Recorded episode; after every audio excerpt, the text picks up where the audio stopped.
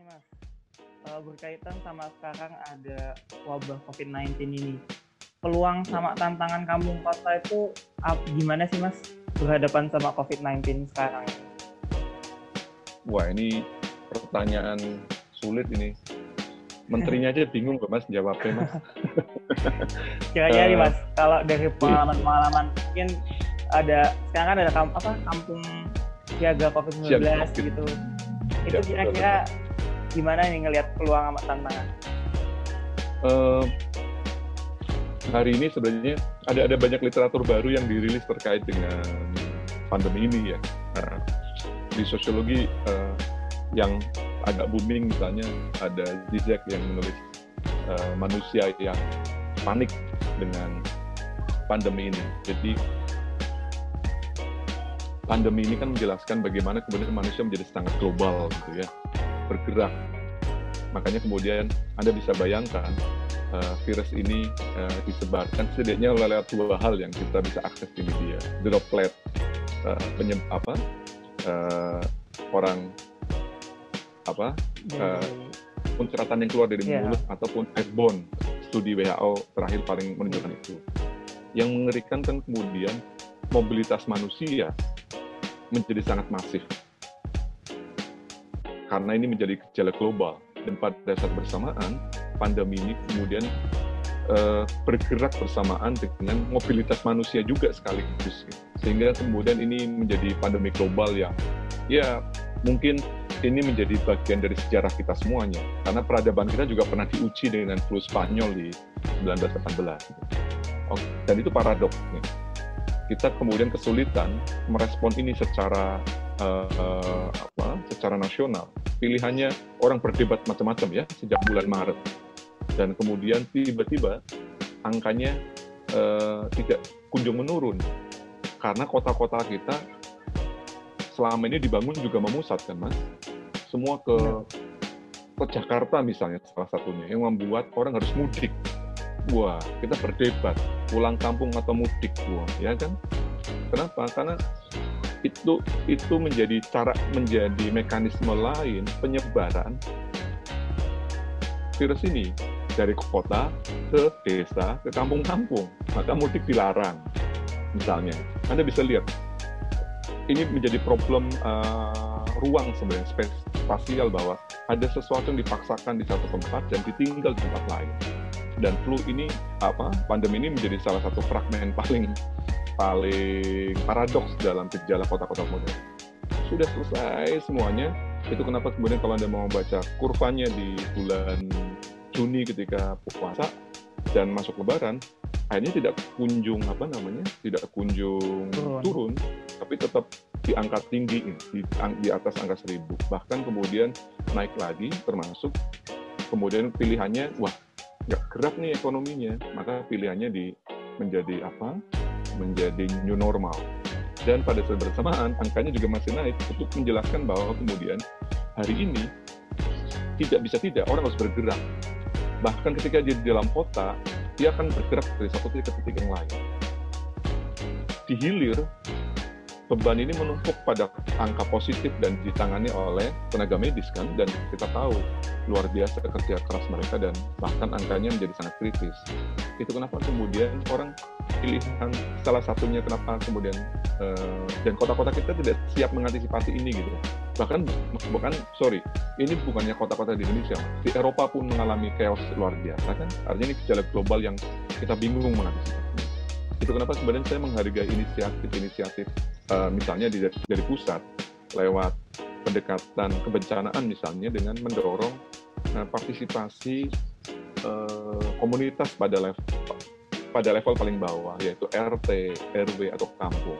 Sebeda, makanya kemudian uh, beberapa gagasan tentang kampung siaga COVID misalnya itu adalah ketika protokolnya ada di kota menjadi sangat sulit.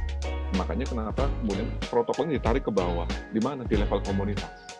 Pengetahuannya harus di apa dikenalkan, protokolnya distandarisasi lewat level itu. Misalnya kalau misalnya meninggal, apa yang harus dilakukan? Misalnya, kalau ada yang terjadi, ada satu tetangga yang positif, bagaimana tetangga lain merespon? misalnya. Oke, tidak harus belanja ke mall, berarti mereka harus menanam misalnya. Ini kan kerja-kerja orang kampung, kerja-kerja orang desa. Itu kenapa sebenarnya menarik ketika kami mempelajari kampung siaga COVID sebagai pelajaran. Kenapa?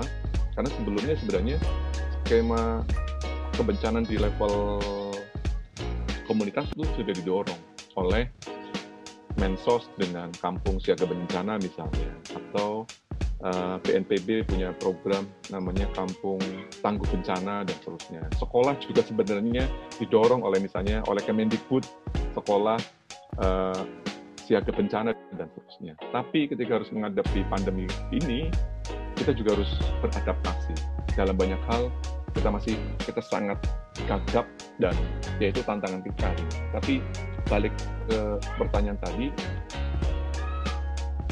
kampung komunitas akan menjadi hulu uh, hulu untuk penanganan ini. Kalau kita bisa jaga jarak, kalau kita apa namanya protokolnya ketat, kita bisa sehat, maka di hilir angka yang positif mestinya berkurang. Karena kita, karena ini karena kampung sejauh ini selalu saja jadi korban, akhirnya kita menumpuk. Padahal uh, mall sudah ditutup, bioskop sudah ditutup. Sekarang ketika kasus-kasus ada di pasar, pasar ditutup, ya ini situasi yang sulit dan saya pikir semua pihak harus berkontribusi karena hari ini uh, korban dan pengorbanan teman-teman medis saya pikir luar biasa dan itu tugas mulia dan tugas berat mereka semuanya ya. Dan saya pikir inisiatif Kampung Siaga COVID bisa jadi treatment uh, sim, men, apa, menarik dan saya pikir harus didorong sedemikian rupa. Gitu, Menarik nih mas. Iya. Jadi sebenarnya kampung kota sendiri itu jadi hulunya ya mas ya. Ketika apa? Dalam konteks ini. Iya. Jadi ketika uh, sebenarnya ketika mereka juga uh, katanya di kampung-kampung kota ini uh, protokol kesehatannya berjalan terus juga yep. uh, apa namanya jadi uh, bisa salah satu bentuk cara menekan penyebarannya itu bisa melalui kampung-kampung kota yang ada gitu ya, lewat Persis. kampung siaga covid 19 ini ya ya terus nih mas uh, kok maaf maaf mungkin nambah mas oh iya ha. yang ya. yang tadi kaitannya kampung uh, dalam kebencanaan uh, salah satu catatan yang penting yang mungkin saya bisa tambahkan tadi, uh, Indonesia itu dengan kesuburannya, salah satunya kemudian kita sadar bahwa Indonesia punya rekam jejak kebencanaan yang luar biasa kan, gunung, gempa, uh, apalagi? Hmm, gunung, gempa, banjir, banjir. dan seterusnya Oke, okay. ini kan nanti bagian dari perencanaan bagaimana kota, kampung itu merespon gitu atau beradaptasi gitu kan. Nah, yang menarik kemudian kemampuan penanganan bencana itu kan terbatas, mas. Ya nggak sih? Kalau kalau orang di kampung, eh kalau di kota, berapa sih jumlah pemadam misalnya? Berapa sih jumlah rumah sakit? Berapa sih jumlah apa? Eh, apa penanganan bencana itu? Itu kenapa kemudian di undang-undang bencana kebencanaan itu menuntut poin salah satu adalah partisipasi nah komunitas itu jadi penting. Itu kenapa kalau kalau bencananya di da di daerah kecil sedangkan pusat penanganan bencana di kota jarak penanganan ini kan jadi problem. Nah itulah kemudian didorong inisiatif-inisiatif komunitas untuk satu berpartisipasi yang kedua mereka mengupgrade kapasitasnya untuk bisa menangani bencana-bencana di tingkat lokal. Dan kata kuncinya adalah kerelawanan itu. Wah, ide ini untuk mengantisipasi tadi ben, apa, bencana minimal ketika kemampuan ini naik uh, ditingkatkan maka risiko mitigasinya, risikonya menjadi sangat kecil. Contoh banjir ya berarti nggak harus nunggu dari kalau saya di Solo uh, provinsinya kan di Semarang tuh. Jadi nggak harus nunggu bantuan dari Semarang. Kita punya kemampuan untuk melakukan respon dengan cepat terhadap bencana. Nah, itu kenapa kemudian tadi gagasan desa tangguh bencana, kampung siaga bencana, kampung siaga COVID itu menurut saya menjadi perspektif menarik karena melihat bencana dalam uh, perspektif dari bawah. Gitu, Mas. tambahannya aja. Iya, jadi bener banget ya mas. Uh, apa partisipasi itu penting buat uh, buat perencanaan itu sendiri. Sebenarnya memang partisipasi dari bawah itu sangat penting ya. Karena sekarang juga kan kayak pemerintah udah mulai uh, ada uh, teori kayak planning partisipot partisipasi gitu. Jadi uh, yeah. perencanaan itu juga melibatkan masyarakat. Nah salah satunya bentuknya mungkin dalam memitigasi bencana sendiri betul betul. Uh, terus nih mas kalau di kampung Nesya itu keanggotaannya sendiri gimana mas? Apakah menerima keanggotaan dari luar atau cuma eh tadi lewat serawung kota gitu mas?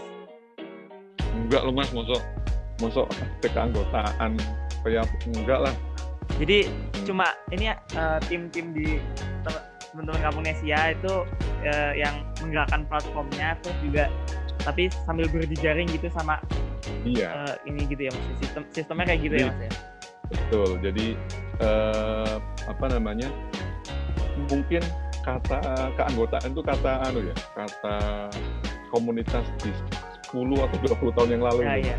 wah jadi anggota nih gitu kalau sekarang kan kalau sekarang dengan dengan platform kita nyebutnya platform, platform. digital itu kan sebenarnya orang tidak membayangkan keanggotaan orang sudah bisa bahkan ketika misalnya teman-teman di Semarang uh, bergelut dengan isu ini ya saya, saya tidak sedang membayangkan menjadi teman-teman harus menjadi bagian anggotanya enggak. Tapi teman-teman harus bekerja sendiri dengan minat sendiri dan kemudian berkolaborasi dan berjejaring gitu.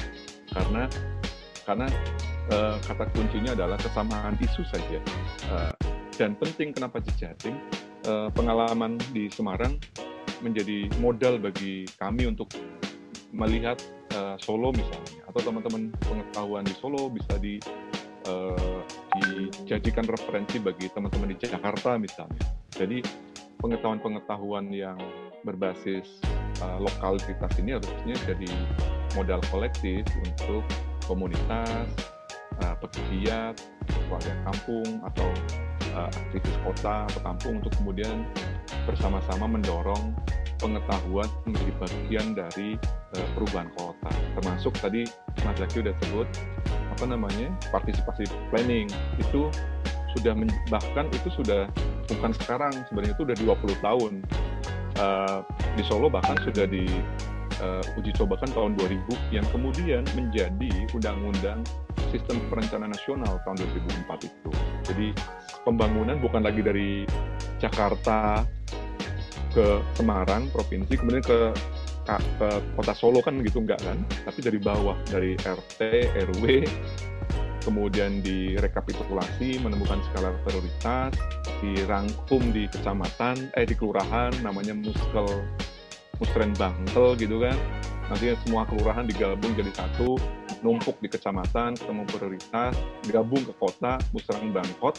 Nanti dari kota wali kotanya diundang sama gubernur di Semarang.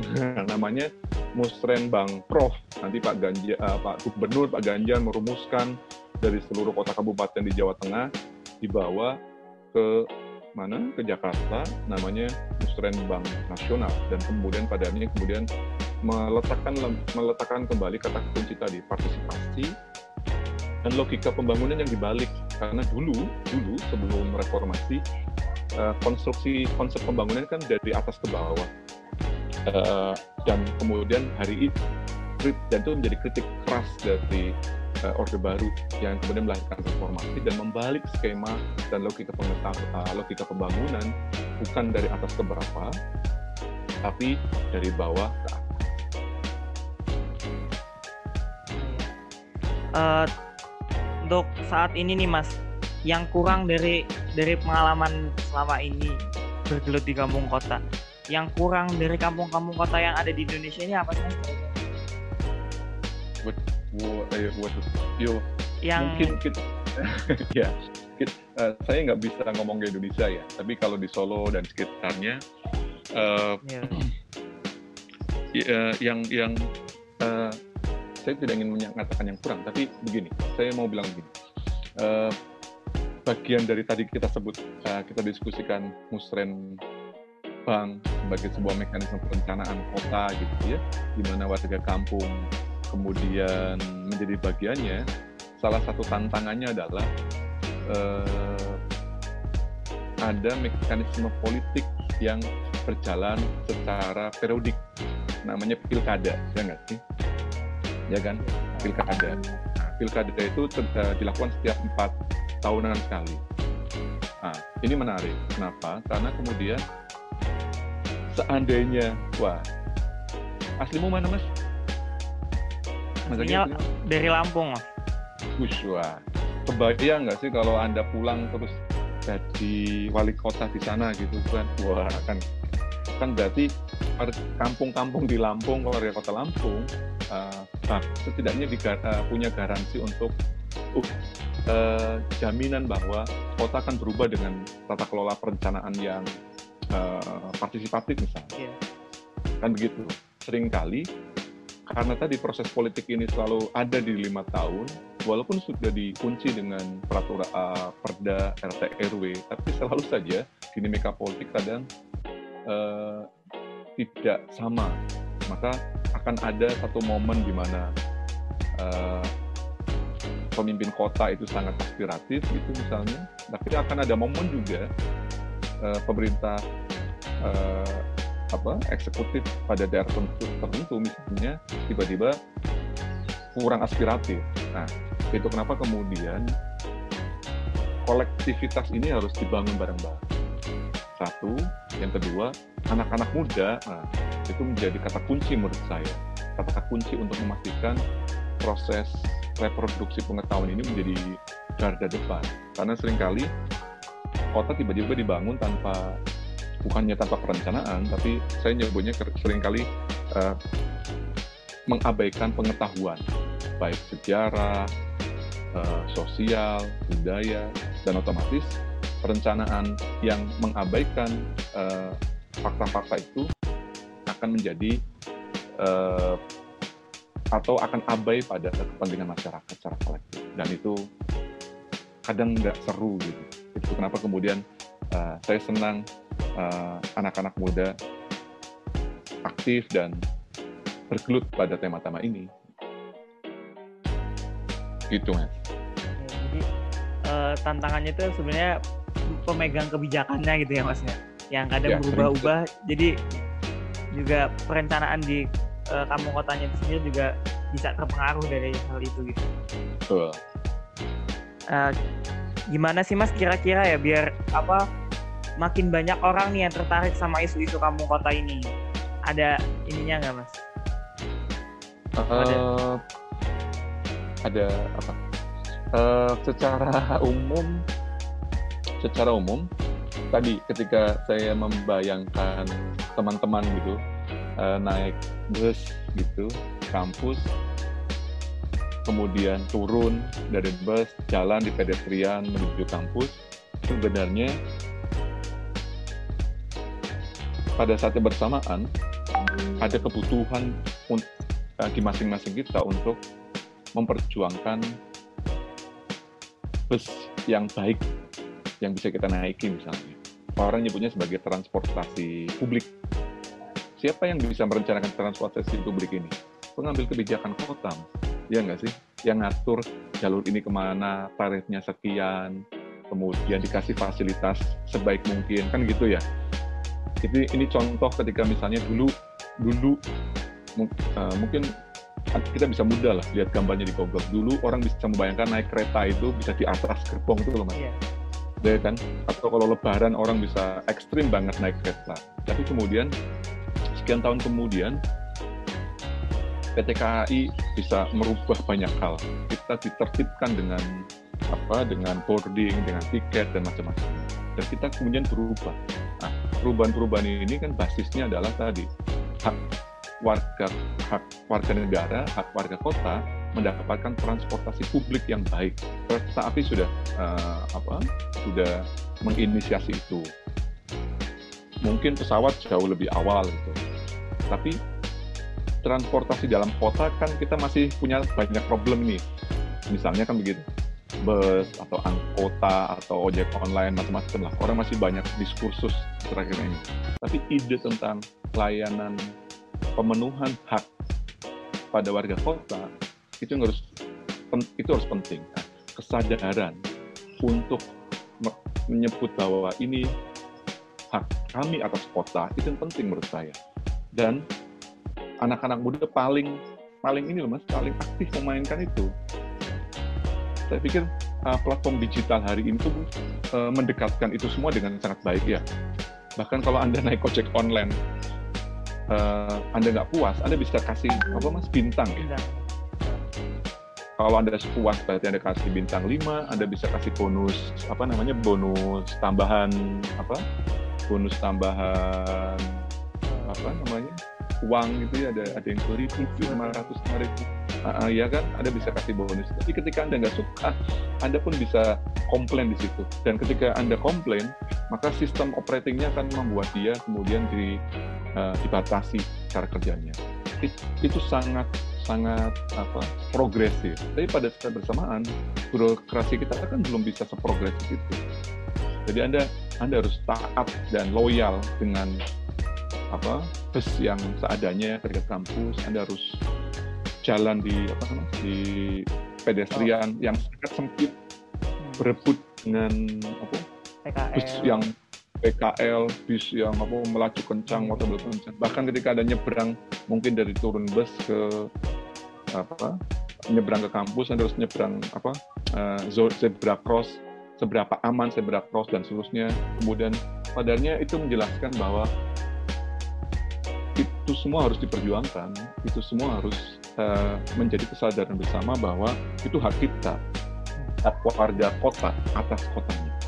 Nah, upaya-upaya teman-teman dalam bentuk apa pun adalah upaya untuk memperjuangkan hak itu, hak untuk kota yang layak dihuni. Dan kalau nggak kita yang memperjuangkan, ya siapa lagi, mas? Gitu, mas. Oke, mungkin cukup dulu nih ya Mas buat saat ini. Gitu. Oke. Okay. Uh, eh, terima kasih banyak waktunya udah udah uh, meluangkan waktu buat sama-sama belajar. Mungkin Siap. nanti mungkin uh, di lain waktu kita bisa lanjut sharing-sharing lagi nih. Ya. Uh, salam buat teman-teman. Uh, moga-moga uh, situasi uh, situasinya membaik, teman-teman ya. juga mesti berdiri dan hmm. kalau situasinya membaik, akan ada waktu eh, teman-teman bisa main ke Solo atau kami bisa main ke Semarang atau bisa kumpul dalam uh, platform yang lebih meriah dan bisa mendiskusikan banyak hal. Ujungnya uh, sama-sama membuat kota dan kampung kita lebih baik. Ya, uh, semoga ya Mas ya semuanya cepat membaik. Jadi uh, apa ke depannya kita juga bisa lebih uh, intens lagi mungkin uh, berbagi ilmunya gitu. Siap. Oke, makasih banyak sekali lagi Mas Kamdon buat waktunya. Uh, Oke teman-teman dari aku pamit undur diri dulu. Mohon maaf kalau uh, dari awal ada salah-salah kata. Uh, sampai jumpa lagi di podcast komunitas berikutnya. Terima kasih. Oke. Okay. Ini mas. Yap. Saya end meeting nih ya mas. Oke. Okay.